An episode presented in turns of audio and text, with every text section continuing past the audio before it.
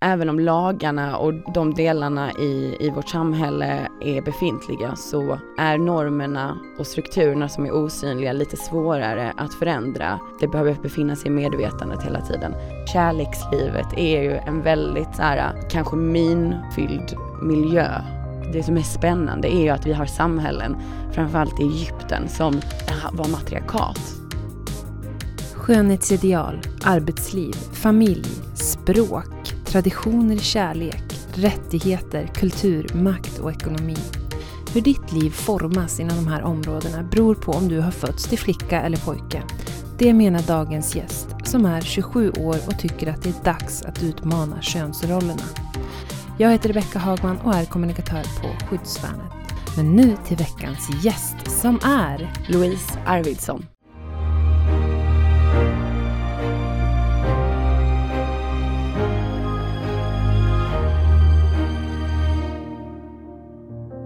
Hej Louise! Hej! Varmt välkommen hit! Tack så jättemycket!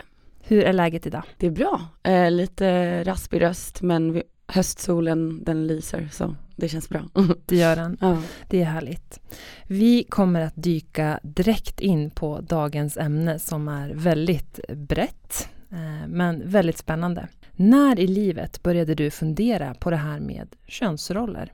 Utan eftertanke så är det väldigt tidigt eftersom att ja, jag var intresserad av både sport och kanske mer tjejiga grejer. Det blev en distinkt skillnad redan på skolgården. När jag var intresserad av fotboll men fick inte kanske riktigt vara med killarna och hos tjejerna så var det stereotypt nog stickning och dockor eh, och nu snackar vi tidigt 2000-tal så det är inte så länge sedan. Men det vågade jag inte erkänna förrän nog kanske fem sex år sedan. Så jag använde psykologin som en kanske skyddsram för att ta mig in vidare in på könsrollerna och förstå hur vi beter oss.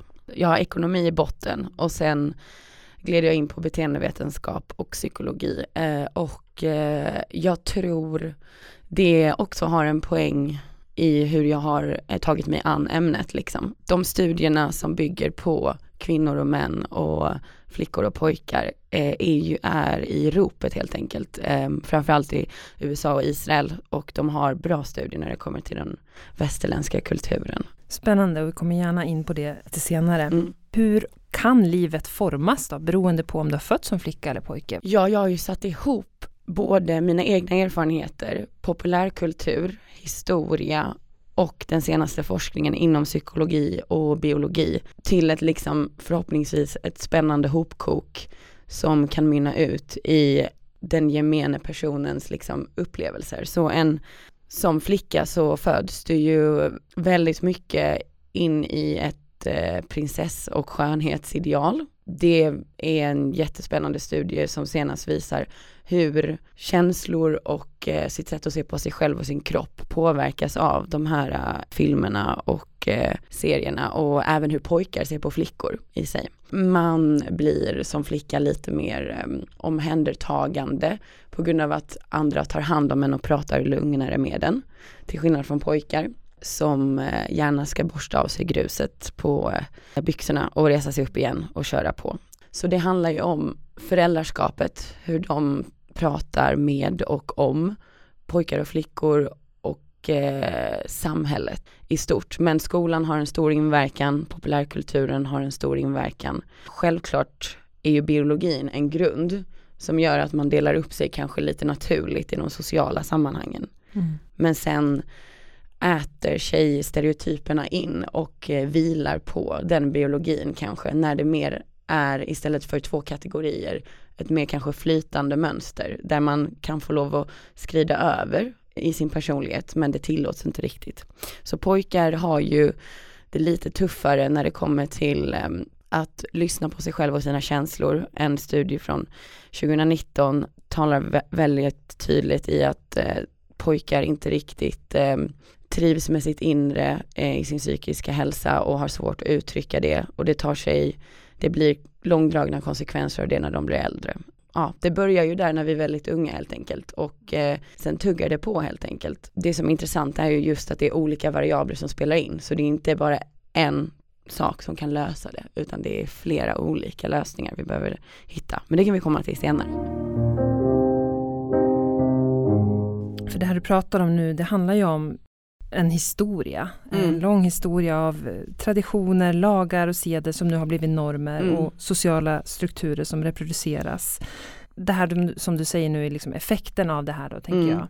Har det blivit liksom någon förbättring om man ser på hur det ser ut idag jämfört med hur det var för men, 20 år sedan säger vi? Eller blir det värre med alla de här serierna och filmerna och allt som du pratar om som vi också har väldigt hög tillgång till idag? Det har blivit förbättringar på ett sätt som framförallt att det låter krast men pengar och resurser har riktats om och investerats både när det kommer till att tjejer ska spela fotboll och eh, man kan se dem i populärkulturens kvinnliga idrottare men också eh, män som har ett större känsloregister och men det är verkligen inte så länge i procentuellt så mycket av språket vi talar fortfarande om vi säger att en eh, kvinna är vacker, det översätts till beautiful mm. på engelskan och um, beautiful är ett ord som oftast um, beskriver passiv, passivitet, det kommer liksom därifrån. Eh, Medan man beskriver män som handsome och det har en aktiv roll i sig. Så att de är hand, man är handfasten, man är praktisk i sitt roll.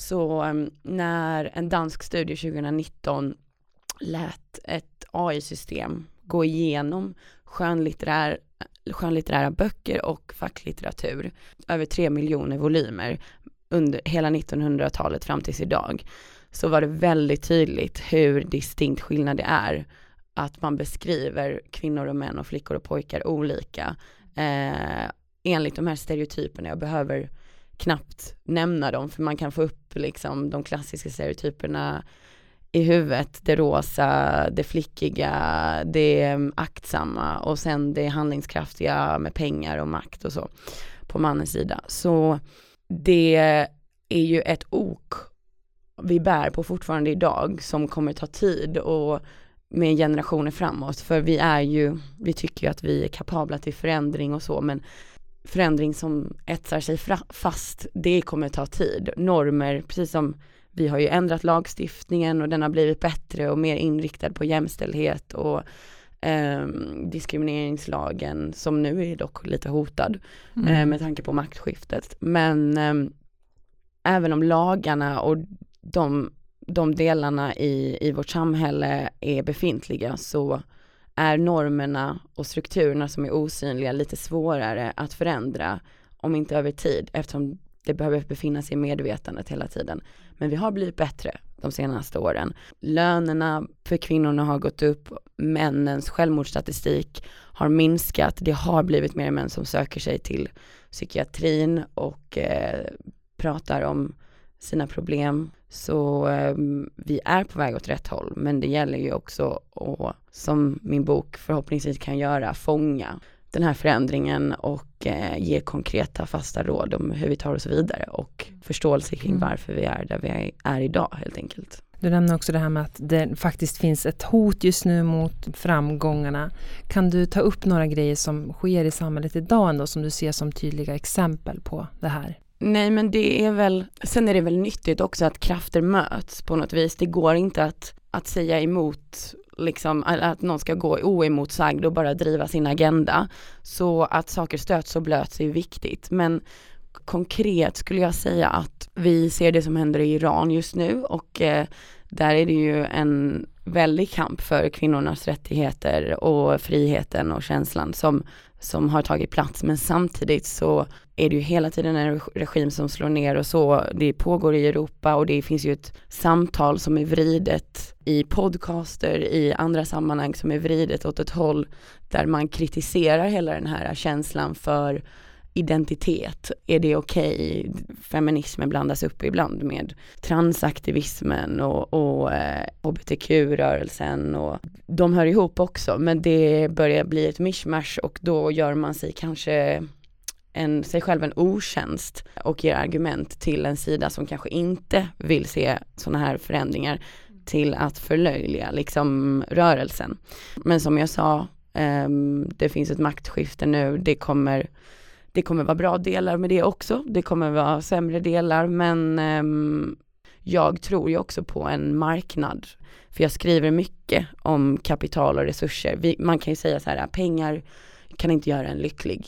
Nej men det kan fortfarande ta en åt ett visst håll som gör att man skapar frihet och, och ett lugn, ett psykologiskt lugn hos individen om man får makt och resurser och det är tyvärr fortfarande väldigt få kvinnor som sitter på det idag.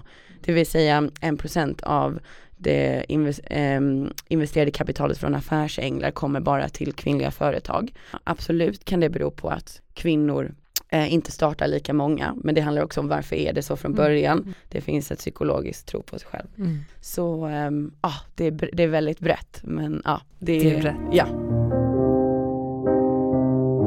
Men vilka hinder behöver man se upp för då, som man eller kvinna i samhället? Ur männens roll så är det att öppna upp och lite grann och vara mer eh, mottaglig för nya processer och strukturer. Exempelvis inom arbetslivet så rekrytering är inte så byggt på meritokrati som vi tror utan det är väldigt mycket, kan jag också ha kul med den här äh, personen och eh, kanske ta en öl med honom efter jobbet och prata fotboll och sådär äh, och att inte riktigt ramla, ramla ner i de fällorna eftersom det gynnar inte heller företaget eller organisationen visar mångtalet studier framför att vara en homogen grupp. Um, lyssna på din partner hemma, kärlekslivet är ju en väldigt så här, kanske min eh, fylld miljö där man kan ramla i vissa fällor i det, det hus, husliga men även vem är ute och arbetar och föräldraskapet. Mm.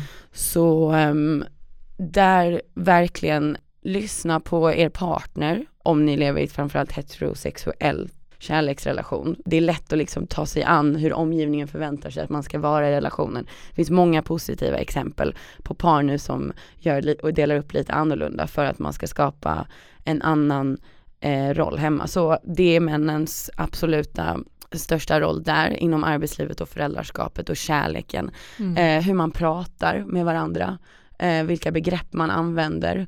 Även om det kan kännas litet i stunden så begrepp etsar sig fast i hjärnan eh, och om du använder ordet hora som en eh, rolig grej bara även ute på krogen så finns det fortfarande en latent känsla av att, att det kan äta sig in i andra samtal eller tankar hos den parten som får ta emot det. Mm. Och återigen, mäns problematik med våld och eh, aggressivitet, det börjar ju väldigt tidigt, absolut att testosteronet, hormonet har en stor roll i det. Men testosteron är inte ett manligt hormon, det är ett mänskligt hormon. Eh, vi kvinnor har också testosteron, men vad man har sett från lång tid tillbaka är att börjar du med ett aggressivt beteende tidigt och uppmuntras så ligger det eh, blir det lättare för individen att plocka fram det senare i livet. Och flickor har inte det på samma sätt. Eh, vi snackar om locker room effekten till exempel och sådär. Så eh, att vara medveten om det hos eh, yngre pojkar och eh, att om man som man kanske har, har upplevt det i sina yngre år så kan det vara en förklaring till ens eh, beteende nu i vuxen ålder. Och att våga söka sig till att våga ta hjälp. För jag tror män är dåliga på det. Att våga visa sig sårbara. Det låter som en klassisk klyscha, vi pratat om det. Och som flickor är det ju liksom åt andra hållet, eller kvinnor. Det är verkligen så här, stå på dig inom arbetslivet så är det ju när kvinnor ska söka arbete så uppfyller de, ser de till att uppfylla nästan alla tio kriterier på meritlistan för att ens våga söka arbetet. Medan män mm. gör, bara ser till att kanske, ja men sex av tio och så går jag dit och så försöker jag liksom sway it eh, och liksom eh, vinna över det. Du har rätt till liksom att tuta ditt egna, din, din egna tuta liksom eh, och eh, köra på. Så um, det krävs från båda håll helt enkelt. Ja men väldigt spännande och jag tänker också, du var inne lite på det här med mm. föräldrarollen. Mm. Ja. om, man, om man har då en pojke eller flicka, har du några tips till den föräldern om man inte vill hamna i den här fällan att man liksom spär på att ge tjejen dockor om hon nu visar ett intresse för det till exempel. Hur ska man tänka där? Nej det är ju jättesvårt mm. och um, många studier visar ju att eh, föräldrarna kan bara göra så pass mycket. Alltså Mm. det är ju, vi, man blir medveten om sin könsidentitet ungefär redan vid två års ålder. Det är Mm. väldigt tidigt men bara det talar ju ganska mycket för, för det trodde inte jag när jag, när jag har läst liksom. Ehm, så det är ju talande för att okej, jag tillhör den här eller jag känner mig som en flicka eller jag känner mig som en pojke. Och så räcker det med en del blickar, för en del föräldrar vad jag förstår känner så här, jag har ju försökt liksom ge dem bo- henne både och, eller honom både och liksom, men ändå går han och väljer de stereotypiska eh, leksakerna och tvärtom för flickorna. Och det är ju för att vi är så påverkade också av omvärlden och vi vill också bli omtyckta av vår, vår grupp och man vill känna tillhörighet och det är väldigt viktigt. Eh, sen finns det en liten skillnad i intresse som man ser men det är väldigt svårt att dra en linje att allting tillhör biologi. Det stämmer liksom inte utan det handlar ju om att som förälder, du är inte hjälplös. Jag tror att hålla en öppen dialog och kommunikation som min mamma och pappa gjorde med mig var att jag kände att när saker blev lite jobbigt och tufft så kunde jag komma till dem. Att jag sa, men vänta här nu, nu bryr jag mig väldigt mycket om utseende och så här och de visade en annan typ av eh, de hade ett annat exempel och så kunde jag följa det då när jag var kanske i 12-årsåldern, 13-årsåldern, okej. Det blev liksom en motsträvig kraft. Det handlar inte om att pusha på någonting för det, då kommer man ingen vart utan det handlar verkligen om att med gott exempel öppna dörrar till andra typer av val och även när det kommer till sex, porr som kommer sen lite eh, upp i åldrarna men, och de man börjar ju ändå, vilket är kanske inte så kul som en förälder att höra men det kommer ju redan där i 11-12 års åldern att man pratar om det i skolan och hur man förhåller sig till eh, pojkarna eller flickorna. Att man hela tiden bemöter barnets tankar som de och visar att det finns en, an, en annan väg eller andra typer av när de, ha, när de kommer med funderingar.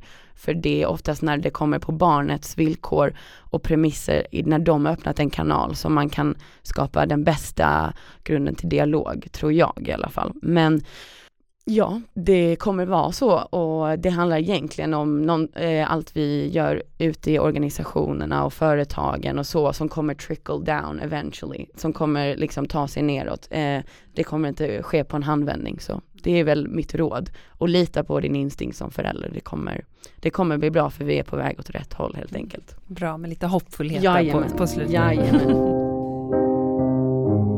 Lite tidigare pratade du om att vi har det här oket som liksom har följt med oss. Hur långt bak i historien liksom går det här? När började det liksom bli kvinnligt och manligt? Nej, det är väldigt intressant för det finns ju, inte motstridiga, men det finns så mycket uppgifter långt tillbaka i tiden. Men det bygger ju mycket på kultur. I min bok så tittar jag ju nästan 4000 år före Kristus. Eh, och det som är spännande är ju att vi har samhällen, framförallt i Egypten, som var matriarkat. Där eh, drottningarna var de som styrde över templet, var de som skötte räkenskaperna. Eh, det var döttrarna som eh, eh, det var liksom fideikommissan istället för fideikommiss, vilket innebär när man bara som män kan ta över alternativt bara som kvinnor kan ta över arvet. Och pojkarna fick så att säga gifta sig in i eh, de här släkterna. Det dog senare ut helt enkelt när eh, indoeuropeerna kom och eh, från norr ut och började kriga ner mot Medelhavet och eh, eh, Afrika eh, och södra delen av Asien. Och där, det, det var med våld och tortyr och med eh, våldtäkter och allt sånt som man, man tog över vissa delar. Men det, det tog väldigt många tusen år liksom och, och eh, det framförallt centrala var ju att gudarna, som var det man förhöll sig till, eh, som man såg upp till, som man fick inspiration från, som var del av kulturen, var ju um, tvåkönade. Så um, guden Atum till exempel, um, hen var eh, lite av det manliga och lite av det kvinnliga, både i utseende och egenskaper. Och det visar ju sitt tydliga tecken att det fanns ju en annan typ av ingång på det manliga och kvinnliga för länge sedan. Eh, och sen eh, tyvärr i samband med romarriket och antiken och det vi hör väldigt mycket om i skolan hyllas, där har patriarkatet totalt tagit över eh, och framförallt i samband med eh, prästerskapet och religionen som eh, idag Religionen för mig är en väldigt patriarkal struktur. även om det finns bra inslag i allting eh, så finns det mycket att kritisera där och som har format en del. Så vi vet ju Pythagoras sats mm. från matematiken. Han var en känd kvinnohatare och skrev att kvinnor, eh, ja men vi var ju eh, en del av Eh, mannens liksom tillhörigheter och så pågick det både inom poeterna och prästerskapet och så. Och det har ju hängt med då eh, länge så det, det är ett tungt ok att bära och att komma tillbaks till 3000 före Kristus hos de här matriarkatet. Det, det, det är inte någonting jag förespråkar att det ska vara den ena eller andra men just den här andra samsidan den finns där kvar i vår historia men den lyfts inte lika mycket fram Eh, och det har också påverkat vetenskapen att man till exempel istället forskade på schimpanser istället för bonobapor när schimpanser har patriarkat och bonobapor har matriarkat och vi är precis lika mycket lika dem i DNA-struktur. Men bonobaporna som där kvinnorna dominerar eller styr, eh, hjälper till varandra som har ett systerskap, där valde forskarna, Darwin och gänget, de valde inte att prioritera de aporna för att det låg inte i linje med deras tankar och idéer. Och då fanns ju inga kvinnliga veten forskare liksom. Så varför, varför skulle de välja dem? Det fanns inte en chans liksom. Så ja, det, det är wow. ett tungt eh, ok helt enkelt. Mm. Men om vi återkommer till idag då. Ge mig ett exempel på vad den här historien har bidragit till om vi ska dra saker i hårda drag, framförallt när det kommer till flickor och kvinnor, så är vi översexualiserade överallt i populärkulturen eh, och ja, vårt sätt att bete oss mot varandra och vänner och så. Kvinnorna har en blick på sig själva som byggs utifrån mannen och inte utifrån sig själva och där skulle jag vilja lyfta en del influencers som dominerar populärkulturen och reklamen idag som Bianca Ingrosso och, och etc. Eh, sen gör de mycket gott också i form av att de visar ledarskap och så, men det bygger på otroligt gamla strukturer som inte är nya, som går långt tillbaka i tiden som vi pratar om. Så det, den delen för att inspirera yngre tjejer och pojkar att flickor, kan, flickor och pojkar kan vara någonting annat än de här stereotyperna. Det behövs matas in i de idolerna eh, som man ser upp till idag, som småflickorna, som de här influencerna är. Mm. Vad är det för konkret som behövs för att det ska ske, tänker du? Det behövs en diskussion utan att det handlar om att, eh, de, slå, att de här influencerna slår tillbaka och säger att man är en kvinnohatare för att man kritiserar deras arbete. För det är lite den parallellen de drar ibland när eh, Bianca har ju blivit dömd i eh, i rekla hos reklamombudsmannen flertalet gånger för sexistisk reklam. Och hon är den enskilt som många flickor ser upp till idag som största idol. Så um, att hålla samtalet vid liv och inte backa för att det handlar om att man kritiserar dem som kvinnor utan det handlar om, precis som vi pratade om tidigare, ett, ett arv av den här blicken av skönhetshetsen, av det påverkar ditt sätt att eh, se på din egen njutning i sex till exempel, eh, hur du klär dig, hur du ergonomiskt sitter på arbetet, om du har, om du har skor som klämmer i styrelserum, du kan sitta i ett styrelserum och ta stora beslut men har du högklackade skor som gör ont överallt så, eh, även om man ska få ha det, men om du har det på grund av den här hetsen, då kan du inte tänka, det visar eh, en jätteintressant studie att om dina skor klämmer hårt, de här pumpsen som många kvinnor har och inte kan gå ordentligt till lunchen och tillbaka, då kan du inte tänka och prestera lika bra på arbetet. Så Mm, eh, håll diskussionen öppen. Eh, det, är, det är verkligen det som, precis som min bok gör, liksom, att kunna kritisera, vi kan plocka russinen ur kakan. Det är fantastiskt med ett kvinnligt ledarskap, kvinnor som tjänar pengar. Men att göra det på det här ancient, ancient strukturer, det är det som är problemet helt mm. enkelt. Du som eh, läsare, lyssnare, tänkare, eh, har det med dig hela tiden helt enkelt. Så eh, kommer vi ta oss framåt. Så det är ett tips att ha de där tankarna med sig hela tiden. Har du någonting mer som du vill, vill ge till de som lyssnar nu om de vill vara med och liksom förändra?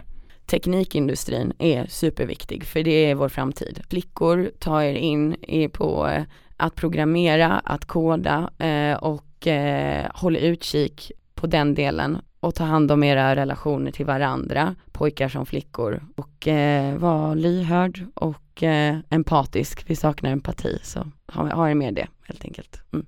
Bra. Och nu har du alltså skrivit en bok om allt det här som vi har pratat om idag och förmodligen mycket, mycket mer. Varför gjorde du det? Som jag eh, berättade tidigare så började jag med frågan eh, med utgångspunkt i psykologi. Men då var min fråga varför beter vi oss som vi gör? Så det har varit min grund. Men sen förstod jag inte bara ur eget intresse men jäklar vad vi beter oss ut efter könsroller och normer och strukturer och stereotyper utan att vi tänker på det, utan att man vill vara kanske på det viset. Så ehm, jag behövde själv få en blick på mig själv om varför och hur. Och det börjar ju lite där man står, där börjar man gräva helt enkelt. Och eh, jag bara insåg vilken, hur alla ämnen eh, hänger ihop. Och hur viktigt det är då att jag måste lyfta varenda ämne för att man ska kunna förstå resultatet av det andra ämnet. Så att språket hänger ihop med skönhetsidealen och eh, populärkulturen hänger ihop med sexet och föräldraskapet hänger ihop med arbetslivet. Och allting vävs samman till ett och samma så det är verkligen från vaggan till graven. Jag har lärt mig otroligt mycket eh, när jag har skrivit den och jag hoppas eh, verkligen läsaren också kommer göra det, göra det. Det som är bra är ju också att man kan plocka egna delar ur boken, det man tycker är intressant mm. och få eh, någonting matnyttigt med sig eh, av det man tycker är mer spännande. Om man gillar mer ledarskap eller om man gillar mer teknik eller om man gillar mer biologi liksom, så mm. kan man ta det. När kommer den ut och var får man tag i den? Den kommer 25 oktober. Man kan få tag på den på Adlibris, på Akademibokhandeln, Bokus. Den kommer komma i en eh, ljudbok också alldeles strax och även på min hemsida louiseciliaarvidsson.se. Du, vi ska strax börja avrunda. Innan det så ska vi ställa en fråga som vi ställer till alla våra gäster och det är om du kan dela med dig av någonting som är lite kul eller oväntat om dig själv. Ja, jag eh, är besatt av Harry Potter. Ah. jag vet inte om det Nej, Hur är det med strukturerna i de filmerna? Nej men J.K. Rowling är ju eh, kritiserad inom det området men mm. eh, ja, eh, Hermione var ju en eh, stor eh, Mm. Eh, stor favorit så det är väl det, är väl det helt enkelt. Ja. Mm. Vad härligt. Mm. Eh, men då vill jag säga stort tack till dig Louise för att du kom hit idag och delade med dig av ditt engagemang och din väldigt breda kunskap inom de här frågorna. Och lycka till med boken. Tusen tack.